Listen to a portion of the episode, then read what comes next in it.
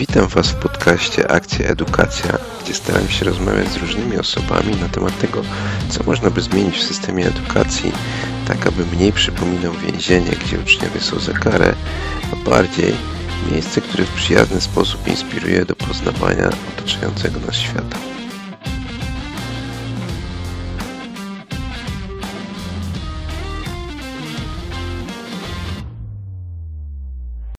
Cześć. Dzisiaj mam okazję spotkać się z Agnieszką Sowińską a, i porozmawiać trochę o edukacji. Agnieszka, jeśli mogłabyś nam się trochę przedstawić. E, cześć, czołem. E, nazywam się Agnieszka Sowińska. E, jestem od kilku lat koordynatorką Wolnej Szkoły Bemowo. Jestem, znaczy obecnie nie jestem tam wychowawcą, bo jestem na urlopie macierzyńskim, ale przez, przez kilka ładnych lat byłam tam także wychowawcą, tutorką, czy jak ktoś to e, ujął w systemie nauczycielem domowym. E, oprócz tego e, jakby zajmuję się też taką edukacją dorosłych. Tym się zajmowałam jeszcze zanim trafiłam do wolnej edukacji i pracy z młodzieżą. I kandyduję obecnie do Sejmu, także właśnie z programem dotyczącym edukacji. Wow, to, to brzmi, bardzo poważnie. E, czy mógłbym się spytać, co Ciebie skłoniło, e, żeby kandydować? Mm, chęć zmian, chęć tego, żeby wpływać po prostu na otaczającą nas rzeczywistość, na to, żeby w Polsce było coraz lepiej, żeby ta edukacja e, nie była przestarzała, żeby mm, kraj jakby mógł się rozwijać i jakby dzieciaki przede wszystkim, żeby mogły wzrastać i żeby mm, ich rozwój był lepiej stymulowany niż przez obecny system edukacji. Mhm. A jakie widzisz obecnie wyzwania przed naszym systemem edukacji? Mm. Nie wiem, czy słyszałeś, ale e, jak to powiedział minister Czarnek, e, coraz więcej dzieci ucieka z systemu. E, I tych dzieci ucieka z systemu coraz więcej do tak zwanej edukacji domowej, a tak naprawdę do spełnienia obowiązku szkolnego poza szkołą. W 2015 roku było to zaledwie 5 tysięcy dzieci, dzisiaj jest to już ponad 40 tysięcy dzieci. E, więc rzeczywiście coraz więcej osób widzi, że ten system nie spełnia po prostu ich takich podstawowych potrzeb, e, czy też po prostu widzą, że mogą dać lepszą edukację poza systemem swoim dzieciom. E, bo ta edukacja po prostu jest niedopasowana do dzisiejszych realiów. Dzisiaj jakby potrzeba nam edukacji bardziej spersonalizowanej, szkoły, która jest w stanie wesprzeć w rozwoju każdego właśnie indywidualnie na miarę jego potrzeb, na miarę jego możliwości, e, a także mm, tak naprawdę chodzi też o to, e, żeby też nauczyciele jakby mogli odnajdywać się w, w, takim sposobie uczenia, jaki im najbardziej leży. Niestety dzisiaj jest tak, że większość nauczycieli uczy w taki tradycyjny sposób, który jak wiemy nie jest najbardziej efektywny E, no i też między innymi z tego powodu e, słabnie prestiż zawodu nauczyciela, tak, te pensje są tak naprawdę z roku na rok e, coraz gorsze, jeżeli porównamy je do, do chociażby płacy, płacy minimalnej czy do średniej krajowej.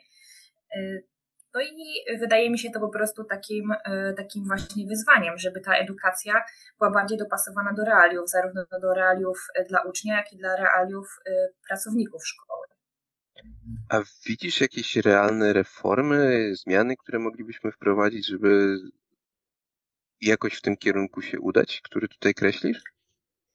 E, tak, ja widzę kilka takich e, kluczowych elementów. E, pierwszym z tych elementów jest to, żeby szkoły były jakby na takim rynku edukacyjnym bardziej konkurencyjne, żeby szkoły mogły, mogły rzeczywiście nie tylko decydować o tym, czy w klasie będzie 20 osób, czy 15, czy 10 e, i czy będą uczyli się z takich podręczników czy innych, ale żeby rzeczywiście mogły tworzyć swoje własne autorskie programy, Dzisiaj jest to bardzo utrudnione przez biurokrację, żeby rzeczywiście były w stanie odejść od systemu klasowo-lekcyjnego. Dzisiaj jest to możliwe, ale znowu bardzo utrudnione. E, I ta różnorodna oferta E, mogłaby po prostu moim zdaniem e, zmienić ten e, rynek usług edukacyjnych. Przede wszystkim z tego powodu, że ci, którzy chcieliby takiej szkoły, jaką znają dla, jakby ze swojego dzieciństwa, mogliby dalej do takich, tego typu szkół posyłać dzieci, a ci, którzy jakby szukają już czegoś nowego, no to szukaliby właśnie tych nowych ofert na rynku i tych szkół po prostu by przybywało e, i byłby po prostu to produkt bardziej dostępny, no bo obecnie jakby tej edukacji alternatywnej jest sporo, ale nie łudźmy się, nie jest to coś dostępnego dla każdego, tak? Jest pewna bariera finansowa e, i tylko ludzie tak naprawdę dosyć zamożni mogą sobie pozwolić na to, żeby właśnie dzieci uczyły się w takiej szkole pozasystemowej, czy wszystko jedno jakiego rodzaju, tak? Czy to będzie szkoła demokratyczna, czy Montessori, czy Waldorska, jednak te, e, te wszystkie nurty e, to są głównie szkoły prywatne, tak? E, cóż jeszcze? Drugą taką ważną rzeczą, tak naprawdę takim krokiem, bez, bez którego nie uda się ten krok pierwszy, czyli ta konkurencja, tą konkurencję mógłby wprowadzić właśnie bon opiekuńczy edukacyjny, czyli to, żeby za E, każdym uczniem e, szły po prostu pieniądze z, e, z systemu, tak, z, centra, z centrali państwa. Dzisiaj jest tak, że idzie tak zwana subwencja oświatowa, ale drugie tyle dopłaca mniej więcej samorząd do każdej szkoły publicznej. Co oznacza, że tak naprawdę to tylko połowa edukacji jest sponsorowana z budżetu państwa, no a druga połowa jest gdzieś zepchnięta na i w inne rejony. Gdyby jakby całą, całość finansowania, taką główną, e, główną część, przenieść właśnie na poziom budżetu e, i wprowadzić bon opiekuńczo-edukacyjny, e, gdzie każdy rodzic mógłby zdecydować, gdzie chce wysłać dziecko do szkoły i gdzie mają pójść pieniądze za jego dzieckiem, to myślę, że to byłoby coś, co wzmocniłoby po prostu tą alternatywę, tą ofertę taką różnorodną. Mm, ale żeby ją też tak realnie umożliwić, no to potrzebne jest uwolnienie szkół. E, znamy się ze szkoły minimalnej, więc na pewno e, na pewno e, wiesz, o czym mówię, tak? O różnych zbędnych regulacjach, o biurokracji. Teraz minister Czarnek chwalił się, że tam tyle dokumentów nie będzie trzeba mm, wypełniać. No jednak mamy rok od kiedy rzekomo tam bodajże 100 dokumentów mniej mają do wypełnienia nauczyciele, ale jakoś nie bardzo to odczuli. Co znaczy, że dalej jest ich dużo, dużo za dużo. E, też właśnie swoboda kształtowania programów nauczania, żeby ta podstawa programowa była tak naprawdę dużo mniej obszerna, mniej szczegółowa. E, jeszcze kilka lat temu, kiedy były gimnazja, ta podstawa programowa dla sześcioletniej podstawówki i trzyletniego gimnazjum, czyli raz, razem dla dziewięciu lat edukacji to było 40 kilka stron. Dzisiaj to jest ponad 150 bodajże.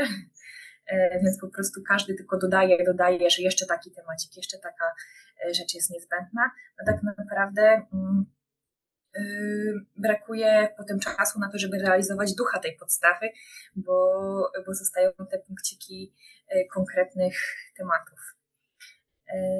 No i taka ostatnia rzecz, chyba najbardziej kontrowersyjna, ale za którą ja lobbuję od dawna, no to jest deregulacja zawodu nauczyciela. A co przez to rozumiesz? Mm, dzisiaj jest tak, że żeby być nauczycielem danego przedmiotu tak naprawdę, to trzeba spełniać szereg kryteriów. E, oczywiście e, mamy tutaj kwestię mm, tego wykształcenia kierunkowego, potem pedagogizacji, no ale coraz częściej, kiedy na przykład chcemy uczyć nie wiem, w blokach przedmiotowych, albo po prostu łączyć w projektach, to albo potrzebujemy kilku nauczycieli do jednego takiego projektu, no albo nauczyciela, który ma kilka uprawnienia do kilku przedmiotów. No i ci nauczyciele potem robią szóstą, siódmą podyplomówkę e, po to, żeby e, papier się zgadzał. E, niekoniecznie są to studia, które rzeczywiście wpływają na ich życie i zakres wiedzy. Ale w systemie wszystko się zgadza. Też jest tak, nie wiem, czy masz tego świadomość, że coraz więcej nauczycieli, jakby mamy coraz więcej wakatów, tak? Coraz mhm. więcej nauczycieli brakuje w systemie, e, więc szkoły publiczne występują do kuratoriów o to, żeby móc zatrudniać osoby bez uprawnień nauczycielskich. E, no i dostają często takie zgody. E, szkoły niepubliczne, jakby kuratorium twierdzi, że ono się tym nie zajmuje, więc tak realnie nie mają możliwości zatrudnienia osoby bez pełnych kwalifikacji. Tak, to, to, ja, słysz, to, ja, to ja słyszałem, że, że, że, że tu się dzieje coraz gorzej z roku na rok. Te, też, też są te takie grupy na, na, na Facebooku, gdzie nauczyciele się przekonują, że rzeczywiście jest życie poza zawodem, co moim zdaniem jest dość optymistyczne, patrząc na to, jak nauczyciele na przykład zostali potraktowani w, w trakcie strajku w 2019 roku. Mm, to prawda. Jednocześnie jakby też jest tak, że zarówno są świetni nauczyciele w systemie, jak i są świetne osoby, które mogłyby pełnić te funkcje poza systemem, bo nie mają na przykład uprawnień. E, ja e, jako koordynatorka wolnej szkoły jakby zatrudniałam zarówno e, ludzi z uprawnieniami nauczycielskimi, jak i bez tych uprawnień i zdecydowanie wydaje mi się, że kwestia czy to pedagogizacji, czy to właśnie tego kolejnego dodatkowego przedmiotu, to są kwestie tak naprawdę papierologiczne. E, a nie kwestię tego, czy rzeczywiście ktoś jest w stanie pracować e, właśnie interdyscyplinarnie, czy jest w stanie e, porywać za sobą dzieci, czy jest w stanie im przekazywać wiedzę albo nakłaniać je, żeby one same poszukały tej wiedzy, bo to jest w ogóle przyszłość edukacji, tak, żeby żeby tak pokierować całym procesem rozwojowym, żeby wesprzeć tych młodych ludzi, w tym, żeby oni sami zechcieli przyjrzeć się pewnym zagadnieniom, żeby chcieli je po prostu odkryć i, i zagłębić się w nie, a nie tylko y, wyuczyć formułkę na pamięć i zdać na klasówce. Tak, ja, ja ci powiem, że ja osobiście mam takie wrażenie, że ci ludzie, którzy dość późno lądują jako nauczyciele lub właśnie w takich tworach edukacji domowej, którzy wcześniej mieli jakieś doświadczenia zawodowe lub wręcz cały czas mają i nagle się pojawia ta nie wiem, potrzeba, chęć, żeby, żeby trochę pouczyć kogoś albo przekazać e, komuś swoją pasję, to oni jakoś zupełnie lepiej się odnajdują e, w tych takich realiach oderwanych, bym powiedział, od tego, jak my tradycyjnie rozumiemy szkołę. Czyli, że to, to bardziej się odbywa tak, nie wiem, jak w dorosłym życiu, że, że ten człowiek wtedy już traktuje tego młodego człowieka bardziej jako takiego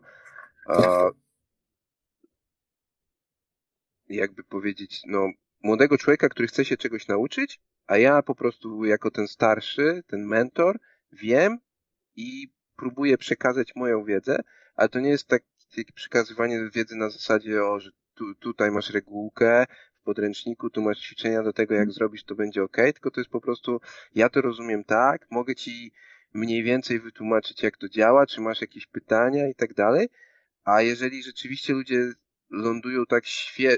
Niektórzy nauczyciele świeżo po, po, po pedagogice są super.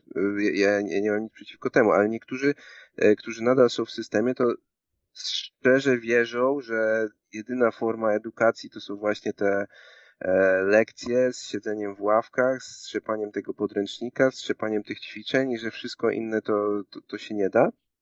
A jeżeli ktoś wchodzi właśnie taki troszeczkę starszy, z doświadczeniem, e, to się okazuje, że on zaczyna traktować tych młodych ludzi trochę bardziej tak jak takich dorosłych. Na przykład jakby pracował i przychodzi do niego taki nowy pracownik, to on tak samo traktuje, wydaje mi się, tego młodego człowieka, że on jest w stanie mu przekazać tą wiedzę tak e, bardziej namacalnie. Nie wiem, jakie jest twoje odczucie w tym, w tym temacie. Y, ja nie wiem, czy chodzi y, dokładnie o to, żeby ludzie byli bardziej doświadczeni, bo ja na przykład zatrudniam też dużo osób, które są młode i które wchodzą w takie trochę relacje bardziej jak starszy brat, starsza siostra y, z, z naszymi podopiecznymi, zwłaszcza z tymi z, starszymi z tymi nastolatkami, e, gdzie jakby jest pewien autorytet, tak, ale jakby ten autorytet wynika właśnie z tego, że kurczę, stary, widzę, że znasz się na rzeczach, że y, umiesz ciekawo opowiadać, że masz jakieś pasje, tak, ja jestem z tobą w relacji i, i chcę być trochę taki jak ty, a nie, y, że, a nie jest ten taki autorytet właśnie, wiesz, tu jest starszy mentor, senior, y, nie wiem, działu, tak, który przekaże teraz swoją wiedzę tajemną, bo edukacja to jest przede wszystkim relacja. Jeżeli y, nie ma relacji, to tu ta wiedza e, jest taka mm, sucha i gdzieś ciężko jest ją po prostu przyjąć do siebie. E, I jeżeli w ogóle uważamy, że nie jest potrzebna relacja do edukacji, to być może nie jest potrzebny nauczyciel, tylko wystarczy podręcznik albo wystarczy, nie wiem, platforma internetowa. Tak, ale jak rozmawiamy o relacji, no to w takiej tradycyjnej szkole, jak, jak wiele osób jeszcze do dzisiaj rozumie, to, to to dalej jest relacja, bo tylko że to jest po prostu taka re relacja pod tytułem ja jestem nauczyciel, ja mówię co masz robić, ja ci mówię w jaki sposób masz robić, w jaki sposób masz się uczyć, kiedy masz się tego uczyć. E, I to też jest relacja, tak? Ona, ona jest wynaturzona, w, moim e, rozumieniu wręcz przypomina trochę więzienie, bo to też jest takie zniewolenie pod tytułem robisz to, co ja ci każę i kiedy ja ci każę, ale to też jest relacja. Ty, ty bardziej chyba mówisz o takiej relacji partnerskiej, mi się wydaje. E, z jednej strony o relacji partnerskiej, z drugiej, jak ja wspominam szkołę masową, E, to niestety na przykład mój wychowawca nie znał po trzech latach naszych imion, więc ciężko jest powiedzieć, że był z nami w jakiejś e, większej relacji, skoro dalej nie pamiętał, jak się nazywamy. Tak jakby to jest duża, e, duży w ogóle problem szkoły masowej, że te klasy i że tak naprawdę jest tak dużo nauczycieli, tak, a to też jest właśnie spowodowane mm, tym, że do każdego przedmiotu trzeba mieć osobne uprawnienie, więc nie może być tak, że nie wiem, w historii, geografii, polskiego uczy ta sama osoba, tak? No bo ta osoba to powinna kolejne trzy kierunki studiów realnie skończyć. E, więc mamy kogoś, kto na jedną godzinkę przychodzi do klasy na geografię, no i potem ma 400 uczniów w roczniku. No i nie, nie uczy, że w, w jednym roku tak uczy. No i nie łudźmy się, że ten człowiek będzie miał taką realną relację z 400 osobami, z 400 młodymi osobami w swojej pracy, tak? W sensie to jest niestety y, wtedy masówka. Y, to tak jak powiedzieć, że mamy relację z, y, nie wiem, kasjerem w sklepie. Oczywiście ja mam cudowną panią kasjerkę w swoim sklepie osiedlowym, z którą rozmawiam, ale zakładam, że nie rozmawiam ona z każdym klientem nie z każdym ma, ma tą relację, no tylko pewnie tutaj z takimi stałymi bywalcami albo jakimiś osobami, które gdzieś tam są bardziej otwarte na ten kontakt. A jednak z, dla wielu osób to po prostu będzie taka bardzo anonim, anonimowa relacja, więc. No właśnie, bo ty, ty wspomniałaś y, raz o edukacji domowej, dwa o szkole minimalnej. Tam w założeniach szkoły minimalnej wydaje mi się też to jest, że jeden nauczyciel może uczyć wielu, wielu rzeczy i Marcin e, Stiburski, który jest tak jakby piewcą tej idei szkoły minimalnej, on też często powtarza, że na przykład e, w szkole szkołę podstawową wszyscy z nas skończyli, więc powinni być w stanie przekazać tą wiedzę dalej. E, są, są głosy mówiące, że nie, ale tak naprawdę mi się wydaje, że to jest to, co się często w edukacji domowej dzieje, że, e, że jeżeli to rzeczywiście się odbywa w domu, a nie jest jakimś takim organizowanym tworem, e, to to rodzice są w stanie nauczyć dziecko, czy tam zachęcić do nauki, tego, co jest tak jakby wymagane tą podstawą programową, prawda? I, I, w tym momencie już zupełnie mamy tą deregulację, o której wspomniałaś, tak? Bo rzadko który y, rodzic e, jest od razu pedagogiem. E, tak, to prawda. W ramach e, edukacji domowej każdy rodzic może zostać czy to nauczycielem, czy po prostu wsparciem dla swojego dziecka, bo to też jest mit, że z każdym dzieckiem po prostu ten rodzic zostaje, rzuca pracę i, y, i zostaje uczyć je w domu. Tak? Bardzo często to jest tak, że rodzice gdzieś tam wspierają dziecko w zaplanowaniu na przykład tego procesu nauki, y, czy oczywiście, nie wiem, wspierają w tym, że wymyślają, gdzie pojadą, y, nie wiem, na ferie, żeby to się gdzieś tam spinało, że po, przy okazji zwiedzimy biskupin na przykład, bo akurat, nie wiem, na historię się przyda albo coś innego tego typu, ale to jednak niekoniecznie jest taka, znaczy to w ogóle wydaje mi się, że dosyć rzadko jest takie przenoszenie szkoły do domu. E, jednak po prostu ta edukacja jest całkowicie inna w tych warunkach e, domowych, czy w warunkach e, takich grup, kooperatyw, w sensie takiej edukacji pozaszkolnej, niż, niż w takiej tradycyjnie rozumianej szkole.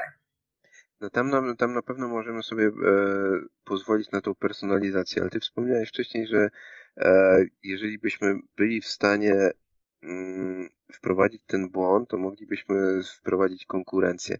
Często jak, jak to pada na szkole minimalnej w jakichś takich wątkach, to tam jest od razu poruszany temat wsi. Że jeżeli mamy taką wieś, w której możemy stworzyć tylko jedną szkołę, to już nie będziemy mieli tej konkurencji. Czy, czy ty widzisz tutaj jakoś rozwiązanie tego problemu? E, wiesz co, wydaje mi się, że to jest trochę błędne założenie. Bo jeżeli jest e, rzeczywiście e, jakby, jeżeli mamy na wsi na przykład teraz jedną szkołę, E, I ta szkoła jest rzeczywiście taką małą szkółką, to prawdopodobnie już i tak przeszła w ręce prywatne, czy to w ręce jakiejś fundacji, stowarzyszenia, rodziców, tego typu, tego typu tworów, ponieważ nasze państwo wyzbywało się wszystkich malutkich szkółek, twierdząc, że są one po prostu nieopłacalne. Tak, samorządność po prostu nie opłacało ich ich utrzymywać i realnie to się po prostu już zadziało, że rodzice wzięli w sprawy w swoje ręce i stworzyli dla swojej na przykład, nie wiem, 20, 40, 50 dzieciaków malutką szkołę. Też jak widzimy z takiej praktyki edukacyjnej, właśnie tych takich grup tak zwanej edukacji domowej, spełniającej obowiązek szkolny poza szkołą, jak to się formalnie nazywa, to te grupy nie zawsze są grupami po kilkanaście czy kilkadziesiąt osób. Czasem to są grupy po sześć osób, po kilkanaście osób. E, one mogą mieć jednego nauczyciela, e, który, który poprowadzi na przykład taką grupkę kilku roczników I to jest tak naprawdę równoprawna edukacja dla edukacji, w której przychodzi na geografię pan na godzinę, na historię pani na godzinę, e, na biologię pani na godzinę, na nie wiem, fizykę pani na godzinę i tak dalej, i tak dalej, tak? E, w sensie to nie jest gorszy, tylko po prostu inny model edukacji. I e, nie jest tak, że musi powstać e, x szkół masowych na miejsce szkół masowych. Może powstać dużo małych szkółek, małych grupek, e, czy też ta edukacja domowa może stać się bardziej dostępna. W tym projekcie mm, jakby zmian e, do Sejmu, które ja wspieram, no to jakby jest też taki pomysł, żeby jakby edukacja domowa także była finansowana e, właśnie e, przez ten sam bon oświatowy, tak? Czyli żeby ten bon oświatowy był kierowany nie tylko do szkół, ale też do rodziców w edukacji domowej, co też może znacząco wpłynąć na to, czy ktoś się zdecyduje na nią, no bo dzisiaj jest tak, że po pierwsze jakby cała, e, całe pieniądze te państwowe, tak, cała subwencja światowa idzie do szkoły, która oczywiście no, ma pewne zobowiązania wobec tego ucznia, musi przeprowadzić o egzaminy, e, czy nie wiem, zakupić dla niego podręczniki. No niemniej e, jednak cały ciężar tej edukacji, a nie testowania spoczywa na rodzicach.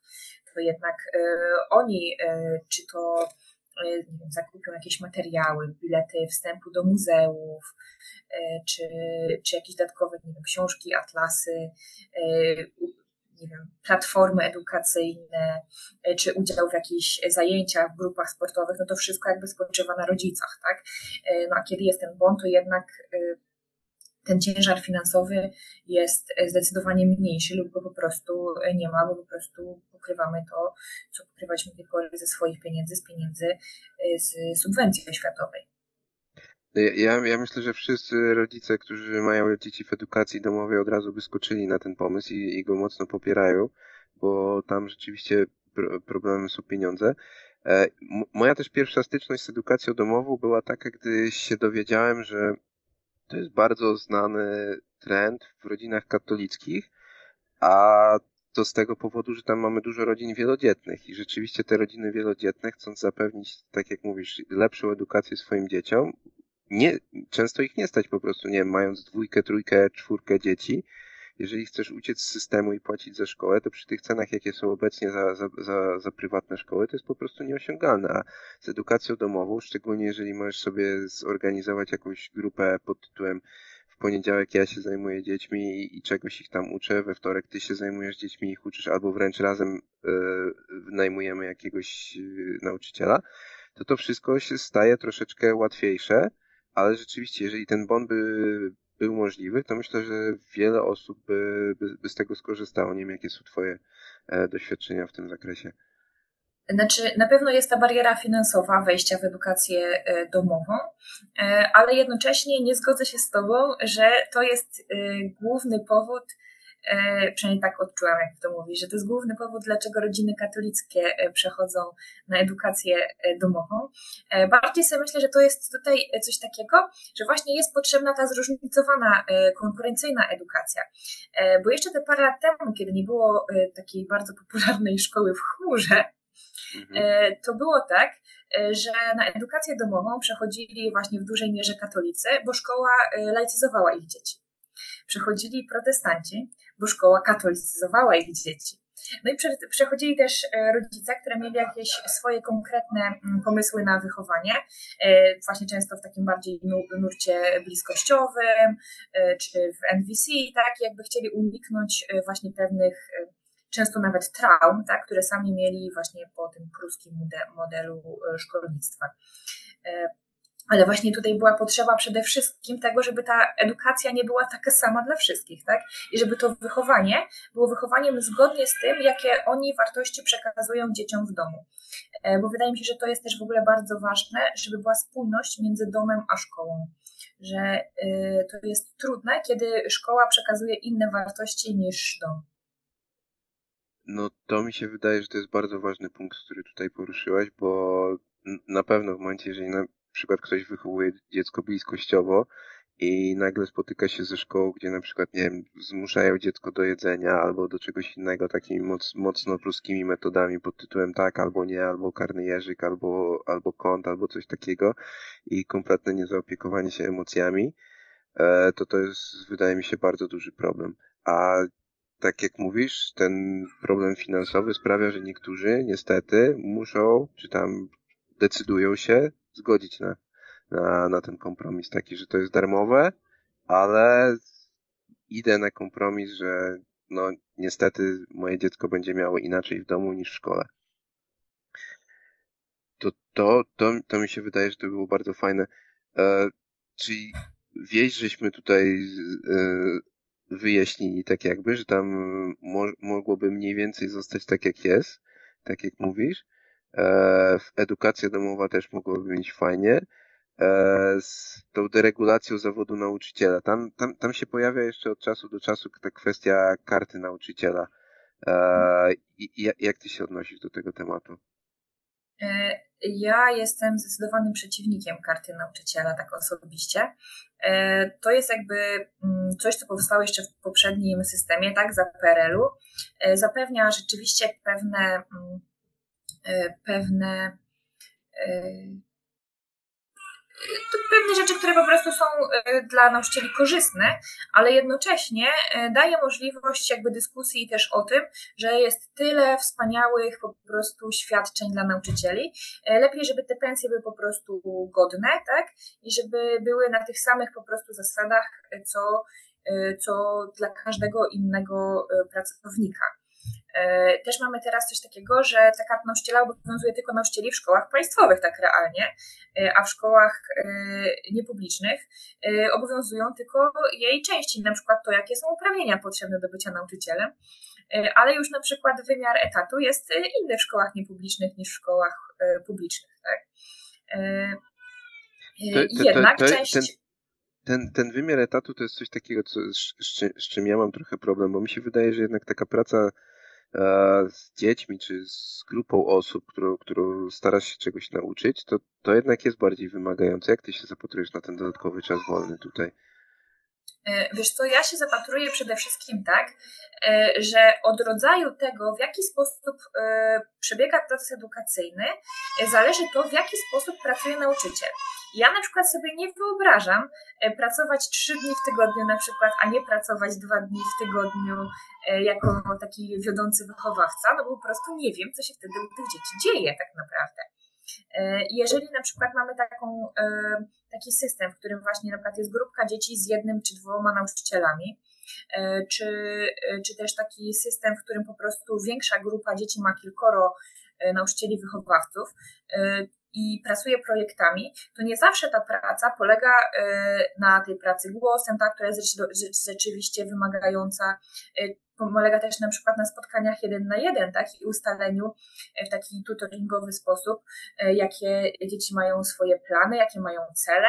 I to jest całkowicie inna praca, tak, jakby mm, ona jest oczywiście bardzo wymagająca, e, ale jednak jest to po prostu coś innego. I tak jak nauczyciel E, w takiej szkole tradycyjnej, e, państwowej spędza te 18 godzin przy tablicy, ale jednak musi przygotować zajęcia, e, czy też musi wypełnić jakąś dokumentację, to tutaj też jakby mm, w tych innych modelach edukacji po prostu każdy model musiałby wypracować, ile godzin poświęca jakby na pracę w ogóle, że tak powiem, poza pracą z dzieckiem, a ile jest na pracy z dziećmi, czy to właśnie z grupą, czy to jeden na jeden albo na przykład w mniejszych podgrupach. Na przykład u mnie w wolnej szkole jest tak, że nas jest tam dwadzieścia parę dzieciaków e, i do tych dwudziestki paru dzieciaków jest e, czterech wychowawców obecnie. E, więc to wychodzi, wiesz, jeden nauczyciel, który jest realnie naraz z powiedzmy piątką dzieci. To jest jakby cał, szóstką może czasem, tak? To jest jakby całkowicie inny komfort pracy niż kiedy ja mam audytorium dwudziestki, piątki, czy w licach, nie wiem, trzydziestu paru nawet czasami dzieciaków. I i pracuję cały czas głosem, tak, wykładam, to jest jakby całkowicie coś innego. Więc wydaje mi się, że po prostu każda szkoła powinna sama ustalić e, model, w którym jest jej, e, jej najlepiej pracować e, i który jest po prostu najbardziej optymalny zarówno właśnie dla dzieciaków, jak i dla nauczyciela, no bo oczywiście trzeba dbać też o prawa pracownicze, tak, żeby żeby ten nauczyciel no, był wypoczęty i z radością przychodził do pracy Tak, jak, jak, tutaj wspominasz o tym, że, że, że ta praca mogłaby być łatwiejsza, to mi się przypominają wypowiedzi Anny Schulz, autorki y, książki Nowa Szkoła. Tam chyba podtytuł jest, niech spojrzę, e, Zmiana edukacji. Zmianę edukacji warto zacząć przy tablicy. Tak, dokładnie. I Anna Schulz często się wypowiada, że ona przez to, jak, jak zmieniła metodę pracy z uczniami, to ona może dużo więcej osiągnąć że, że ten czas na przykład na lekcje też, też się tak nie limituje. Moim zdaniem w ogóle te 160 kilka stron to jest idealna instrukcja, co można w szkole zrobić już dzisiaj i z tego, co się orientuję, to wszystko też jest zgodne z prawem oświatowym. E, także rzeczywiście, jeżeli sami nauczyciele by, by, by mogli tutaj coś e, zrobić, to, to było fajnie, tylko mi się wydaje, że często takim hamulcowym są rodzice, którzy jednak e, tą edukację cały czas pamiętają jako takie zło konieczne, którego sami doświadczyli. Jakie, jakie jest Twoje doświadczenie z rodzicami? Mm, wiesz co, ja słyszałam o takich rodzicach, którzy, e, którzy gdzieś są tymi hamulcowymi. No, sama takich e, jakby nie doświadczam za dużo, no bo jakby mm, do takiej alternatywnej edukacji jednak przychodzą ludzie, którzy którzy gdzieś e, mają ten inny pomysł na, na edukację. E, przy czym e, wydaje mi się, że jest tak, że z jednej strony jest, to nie jest tak, że jest tylko jedna Anna Schulz, jest wielu wspaniałych nauczycieli, którzy zmieniają, zmieniają już, już po tej stronie systemu, tak? To jak, jak pracować z dzieciakami. Jest, nie wiem, Wiesława Mitulska, jest pani dyrektor Ewa Radanowicz, czy też z takich osób mi bliższych Magda Sierocka e, i w ogóle cały ruch budzących się szkół e, z Marzeną Żylińską, która jakby go promuje, firmuje i jakby stara się upowszechnić to, żeby te szkoły się budziły, żeby ta edukacja też ta systemowa właśnie była, była taka inna, taka właśnie jak w tej książce Nowa Szkoła. E, ale jest ten opór, wydaje mi się, że jednak po obu stronach i nauczycieli, i, i rodziców. E, i że to nie zależy od wieku tych nauczycieli i rodziców, e, zależy po prostu od tego, jaki mają, mają na to pomysł, tak? Niektórzy jakby chcą próbować tych innych metod, niektórzy wolą te metody tradycyjne. Też jakby nie jest tak, że ja uważam, że nie wiem, każdy wykład jest zły, bo sama lubię uczestniczyć w dobrych wykładach. E, niemniej jakby ta forma e, musi być i dopasowana do dzieciaków, i do ich potrzeb, i do ich po prostu też wieku rozwojowego, tak? Bo jakby no, wykład w trzeciej klasie, jak sobie wyobrazisz, no to, no to nikogo chyba e, nie poruszy tak, żeby rzeczywiście to coś wniosło w jego rozwój. No chyba, że o Minecrafcie, to myślę, że wtedy w tej, w tej trzeciej klasie mielibyśmy szansę. No jest taka szansa rzeczywiście. No niemniej, no nie no, można różne ciekawe treści też przez Minecrafta, nie? Matematykę, czy, czy takie wszystkie tam są. Ja, ja, ja mam takie wrażenie, patrząc na dzieciaki, że Minecraft to jest takie Esperanto, że podchodzi nowy dzieciak i jak tylko jest rozmowa o Minecrafcie, to on od razu jest w stanie łatwo wejść w tą grupę, bo tak większość to gra. Co, co, co, mnie dziwi, to jest też to, że kupa dziewczyn gra. Takie, takie jak dziewczyny z reguły gry komputerowe niekoniecznie, to moje obserwacje są takie, że jednak Minecrafta dużo tam ciśnie. Mhm. Wiesz co, no, y, tak, ale zauważ też, że to jest jakby całkiem inny y, rodzaj gry. To jest jakby gra, E, w której się tworzy tak naprawdę dużo rzeczy, nie? Jakby nie jest tak, że odtwarzasz pewien scenariusz, tylko jesteś pewnym kreatorem tej przestrzeni, która, która jest wokół ciebie. Mm, więc y, no więc po prostu też uderza do jakby innego i szerszego grona odbiorców. Mhm. Tak, i, i to bycie kreatorem to moim zdaniem też jest e, ciekawy aspekt w edukacji, ale też e, coś, o co chciałem Ciebie zapytać, bo Ty będąc w takiej alternatywnej szkole, to jesteś też takim kreatorem e, innej, innej rzeczywistości trochę. W jaki sposób ty się znalazłaś w takim miejscu? Ojej, to y, ciężko, y, ciężko powiedzieć. Ja ogólnie na studia poszłam w ogóle w całkiem innym kierunku, bo w kierunku archeologii. Ale później zaczęłam jakby po, szukać jakby całkowicie czegoś innego. Najpierw właśnie pracowałam z dorosłymi i też jakby w szkoleniach, potem jakby też sama szkoliłam. I dalej mi czegoś brakowało. E, I e, gdzieś tam właśnie taki pierwiastek tego, że gdzieś tam zaczynałam w liceum, potem na studiach e, prowadzić gromady zuchowe, drużyny harcerskie i gdzieś pomyślałam, hmm, może jednak spróbować jakiejś takiej pracy z dziećmi.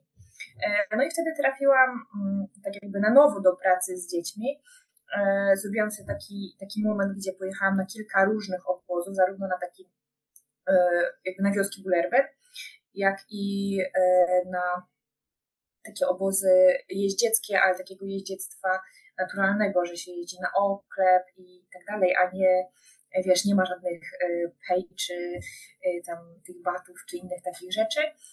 Ja tam nie byłam od jeżdżenia na koniec od tego instruktorze, ale jakby od animacji tego czasu pomiędzy, że tak powiem, jazdami.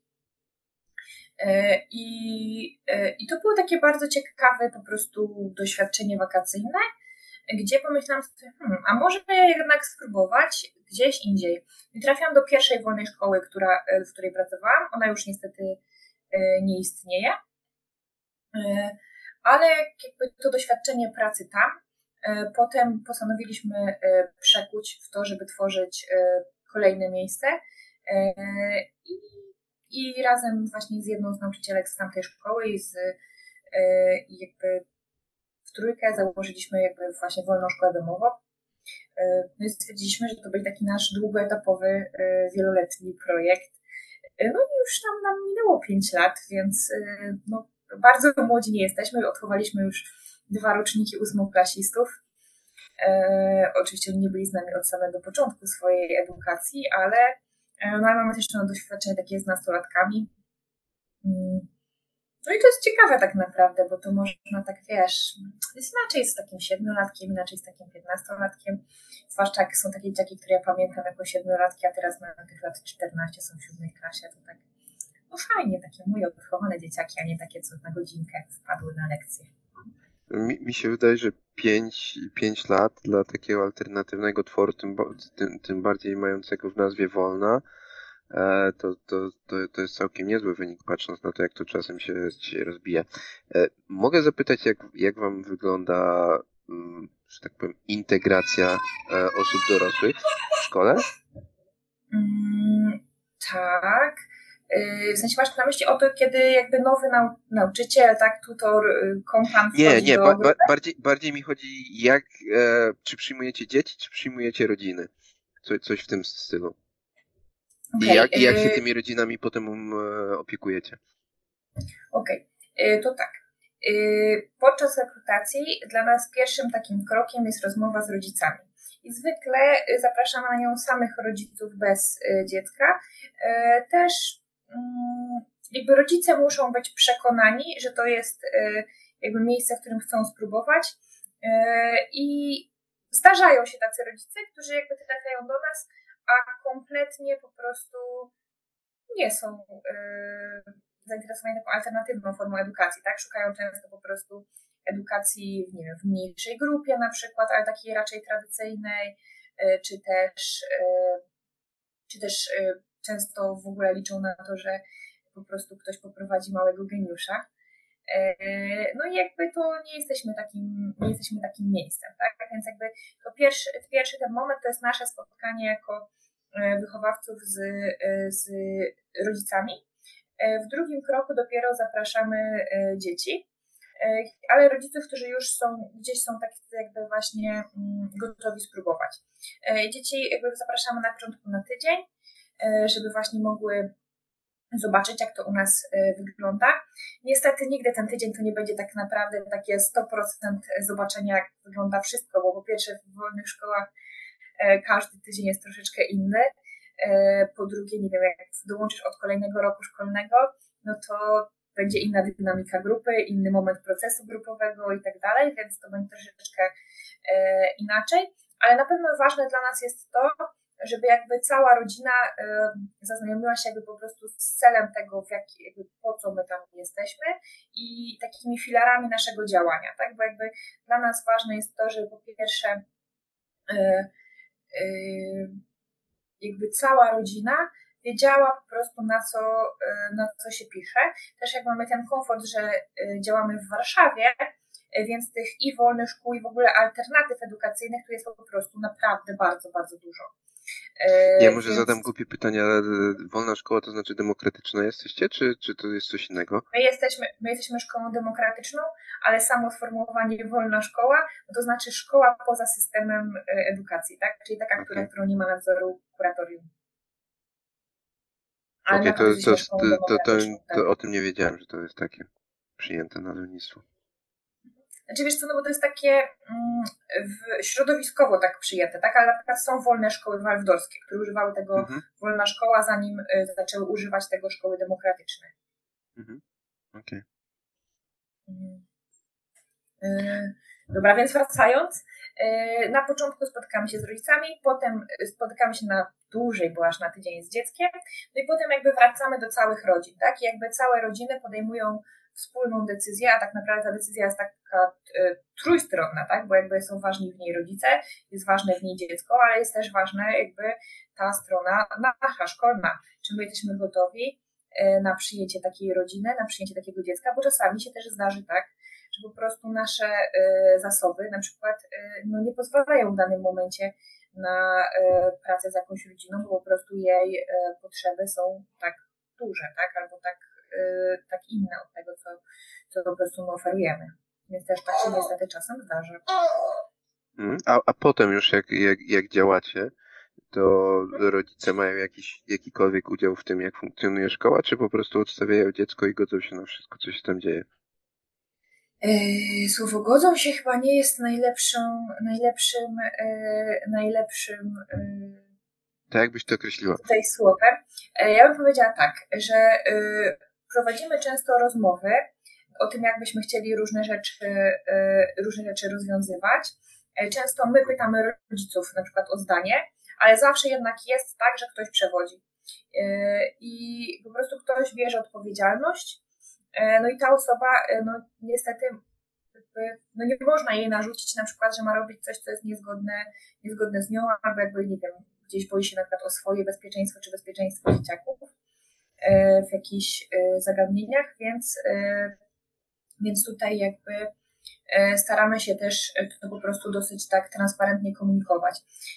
Ale no na przykład, gdy mamy jakieś takie, nie wiem, większe projekty, coś się zmienia, no to zwykle po prostu dyskutujemy. Mamy tak, że Mamy kilka spotkań e, takich e, w roku dla rodziców, e, chociaż powiem szczerze, że większość tych spotkań naszych przechodzi z tych form takich organizacyjnych, gdzie są gdzieś tam załatwiane tak naprawdę w mniejszym stopniu na takie bardziej spotkania integracyjne, bym powiedziała, plus na takie spotkania wymiany myśli, że na przykład rozmawiamy po prostu o tym, na przykład, nie wiem, takie ostatnie spotkanie mieliśmy o tym, jak podchodzimy do humoru. Tak, bo wiadomo, dzieciaki płatają różne figle, te pranki, albo mówią różne dowcipy. No i czy na przykład, czy nie wiem, dowcipy o, o, nie wiem, o żulach na przykład, czy są ok, czy są nie ok. Kiedy dowcip jest ok, a kiedy jest nie ok. Jak należałoby tutaj zareagować. No i jakby możemy się wymienić w całej społeczności, jakby tej dorosłej części, tym jak, jak każdy z nas ma i wypracować sobie swoje, swoje zdanie. No i gdzieś na końcu też jakby zakomunikować tą, tą jakby mm, praktykę, z jaką, z jaką na jaką my się decydujemy, tak jak kadra szkoły. Mhm. Czyli tak, tak, tak naprawdę to, co opisujesz, to jest chyba też, też to, co, co chciałabyś zmienić w systemie, że e, tak, takie twory jak, jak ta wolna szkoła mogłyby po prostu powstawać, a rodzice by wiedzieli, że, że, że istnieje taki, a nie inny twór, mogli się tam zgłosić i mogli przyjść do, do niego z tym bonem. No, to, to brzmi super. E, dla mnie przynajmniej, podejrzewam, że dla wielu osób też. Ale jak myślisz, dlaczego my tego do dzisiaj nie wdrożyliśmy? Dlaczego ten system wygląda tak, a nie inaczej? Czemu zmiany się nie dzieją po prostu? Masz na myśli system bonów, czy bardziej to, jak pracujemy, e, wiesz, system kasowo-lekcyjny i tak dalej? Ogólnie, czemu, czemu, czemu szkoła się nie zmienia? Z, jakoś tak e... bardzo, bo, bo świat dookoła się zmienia mocno. Ja, ja będę chciał jeszcze na pewno z, z, tak jakby pójść w kierunku tej platformy, czy tam szkoły w chmurze, e, czy ogólnie powiem, powiedziałbym technologii w edukacji, ale na początek e, po, powiedzmy sobie po prostu o tych zmianach. Dlaczego szkoła się tak wolno zmienia, Twoim zdaniem? E, wiesz co, ja e, nie mam tutaj żadnej pewności, ale gdzieś taki, taka moja intuicja jest taka, że chodzi o szkolenie nauczycieli. Bo zobacz, żeby coś trafiło do szkolenia nauczycieli, no to musi gdzieś być jakaś innowacja, która zostanie uznana.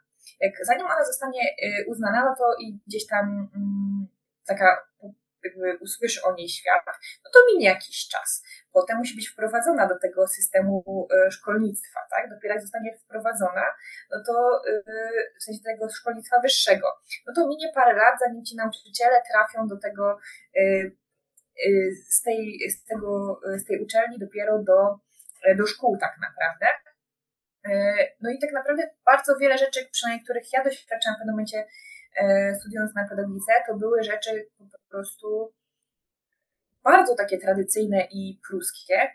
E, I tak naprawdę o tych innowacjach edukacyjnych mówiło się w dużej mierze e, jako właśnie o jakimś marginesie, tak? Jakby, a że była sobie jakaś tam Summer Hill i poświęćmy temu jedne zajęcia y, na jakimś tam drugim roku, czy tam pierwszym roku studiów i odhaczone już edukacja demokratyczna, do widzenia. No jakieś jedne zajęcia dla Marii Montessori, no i jeszcze wspomnimy na trzech innych y, gdzieś tam y, w panteonie pedagogów i tyle. A jednak po prostu to jest bardzo dynamiczne, jak się zmieniają, e, jak się zmieniają. O czym my mówimy, tak? Mówimy o innowacjach, gdzie i szkoły demokratyczne, i waldorfskie, i Montessori to są innowacje sprzed 100 lat, tak? I one nie trafiły jeszcze pod strzechy. No właśnie, bo, bo to, to, to trochę zahacza właśnie o to, co mówiłem, że, że, że to się dzieje wolno, bo e, o, o szkole demokratycznej Summerhill e, ja słyszałem takie fajne zdanie, że często jest przedstawiane jako eksperyment pewien edukacyjny, ale potem trzeba zdać sobie sprawę z tego, że ta szkoła obchodziła stulecie, chyba dwa lata temu, i tak, no, to, to znaczy, że to jest eksperyment, który trwa już 100 lat, więc y, patrząc na to, ile trwa edukacja, załóżmy nawet, nie wiem, jeżeli byśmy liczyli 12 lat, no to oni byli w stanie wyprodukować już trochę pokoleń, więc jeżeli to byłby eksperyment, to jeżeli by się nie udał, to podejrzewam, że ktoś by go zakończył. Wiesz co, u nas jest tak samo, bo mamy y, w ogóle w systemie oświaty eksperymenty pedagogiczne i innowacje pedagogiczne. Na przykład yy, dla mnie taką zabawną rzeczą są tak zwane mateksy. Nie wiem, czy kojarzysz, co to jest mateks. Nie, kompletnie. Yy, Mateks to jest klasa matematyczna eksperymentalna. To jest taka klasa, w której e, w liceum uczysz się nie tylko programu licealnego, ale ci licealiści takiej właśnie takiej klasy Mateks mają osobną algebrę, osobną arytmetykę, osobną geometrię e, i e, jakby mm, wykraczają tym poziomem jakby z tej nauki licealnej na taki poziom już tego powiedzmy pierwszego roku studiów matematycznych. E, no i nawet moja siostra kończyła tą klasę matematyczno-eksperymentalną, więc a eksperyment edukacyjny, ale moja matka kończyła w tej samej szkole też tą klasę matematyczno-eksperymentalną. Moje, moje rodzice więc... coś podobnego kończyli, jeżeli się nie mylę. E, więc wiesz, minęło po prostu 30 parę lat i dalej trwa ten eksperyment, tak? Czy na pewno można tak dzieci uczyć? A nikt nie powiedział, tak, można tak robić, tak? Zakończyliśmy, nie wiem, po 10 latach badanie, nic nie wypuchło, jest okej, okay, tak? Mhm. E, tylko po prostu ciągniemy kilkadziesiąt lat te eksperymenty oczywiście zatwierdzając je, że, że tak, dalej można je kontynuować, ale dalej nazywając je eksperymentem. No i to jest taki, właśnie taki problem, że jakby nie zostaje popchnięty dalej, tak, że okej, okay, to już jest coś zatwierdzonego, tak, tak możemy robić. Dla mnie też taką rzeczą, która właśnie hamuje nauczycieli w tym, żeby właśnie mm, bardziej innowacyjnie uczyć, żeby wychodzić z tego systemu klasowo-lekcyjnego, żeby wychodzić poza takie w ocenianiu bieżącym, poza te oceny 1-6 i nie wiem, właśnie pracować metodą projektu, to mm, jest też pewna biurokracja po prostu, bo teoretycznie każdy nauczyciel ma możliwość pracować według swojego autorskiego programu. No tylko e, musi go napisać szczegółowo, opisać każdy po prostu element podstawy programowej, w jaki sposób on zostanie zrealizowany w tym programie, potem zatwierdzić go w ministerstwie. No w sensie to jest cały żmudny proces, którego się po prostu nie opłaca robić, tak? O ile nie robisz całej jakiejś innowacyjnej szkoły, to dla takiego jednego nauczyciela, który chciałby coś zmienić, to to po prostu jest y, ogrom pracy, za którą mu nikt nie zapłaci. Ja, ja bardzo podziwiam takich nauczycieli, bo to, to, co się dzieje, wydaje mi się standardowo, to jest to, że jest przyjmowany plan nauczania przychodzący z podręcznikiem i po prostu jest kopiowany jeden do jednego. I tak. potem jeszcze, jeszcze, jeszcze się dzieje to cudo, że, że jest ten skrypt do podręcznika, który sprawia, że nauczyciel 5 minut przed lekcją może sobie poświęcić y, chwilę, żeby sobie przypomnieć, jak ma przeprowadzić tą lekcję. I mamy takie odtwórstwo edukacyjne, bym powiedział. Tak, tak, to prawda. Mm, tutaj też, y, no, nie bójmy się o tym mówić, to jest pewien lobbying po prostu branży, y, która tworzy podręczniki, tak, tworzy zeszyty ćwiczeń, y, tworzy te wszystkie programy dla nauczycieli. Też teoretycznie nie każdy, jakby, teoretycznie każdy nauczyciel może korzystać ze swoich wybranych przez siebie materiałów, czy przygotowanych przez siebie materiałów, no ale po prostu praca z gotowym podręcznikiem, zwłaszcza kiedy ma się do niego gotowe lekcje, gotowe sprawdziany, gotowe po prostu wszystko, to jest po prostu dużo, dużo łatwiejsza. Tak, ale wtedy zapominamy o tej całej indywidualizacji. Znaczy, mi, mi się wydaje, że nadal można to jakoś tam indywidualizować, ale na pewno jest trudniej. A, a teraz, je, jeżeli byśmy mieli tak wrócić do tego, dlaczego e, te, te, te, te zmiany się nie dzieją. Ty wspominałaś, że ty kandydujesz do Sejmu i że, że chodzi ci w tym wszystkim o edukację, więc podejrzewam, że spotykasz się z jakimiś ludźmi, E, pewnie masz, nie wiem, jakieś ulotki, banery, tak, gdzie, gdzie, gdzie masz jakieś hasła edukacyjne, e, to w, w jaki sposób e, odbywają się te, te rozmowy? Czy to, czy, czy to jest tak, że trafiasz tylko na tych ludzi, którzy rzeczywiście są gdzieś tu już zaciekawieni tą edukacją, wiedzą mniej więcej, jakie są alternatywy? Czy, czy masz też rozmowy z ludźmi, którzy są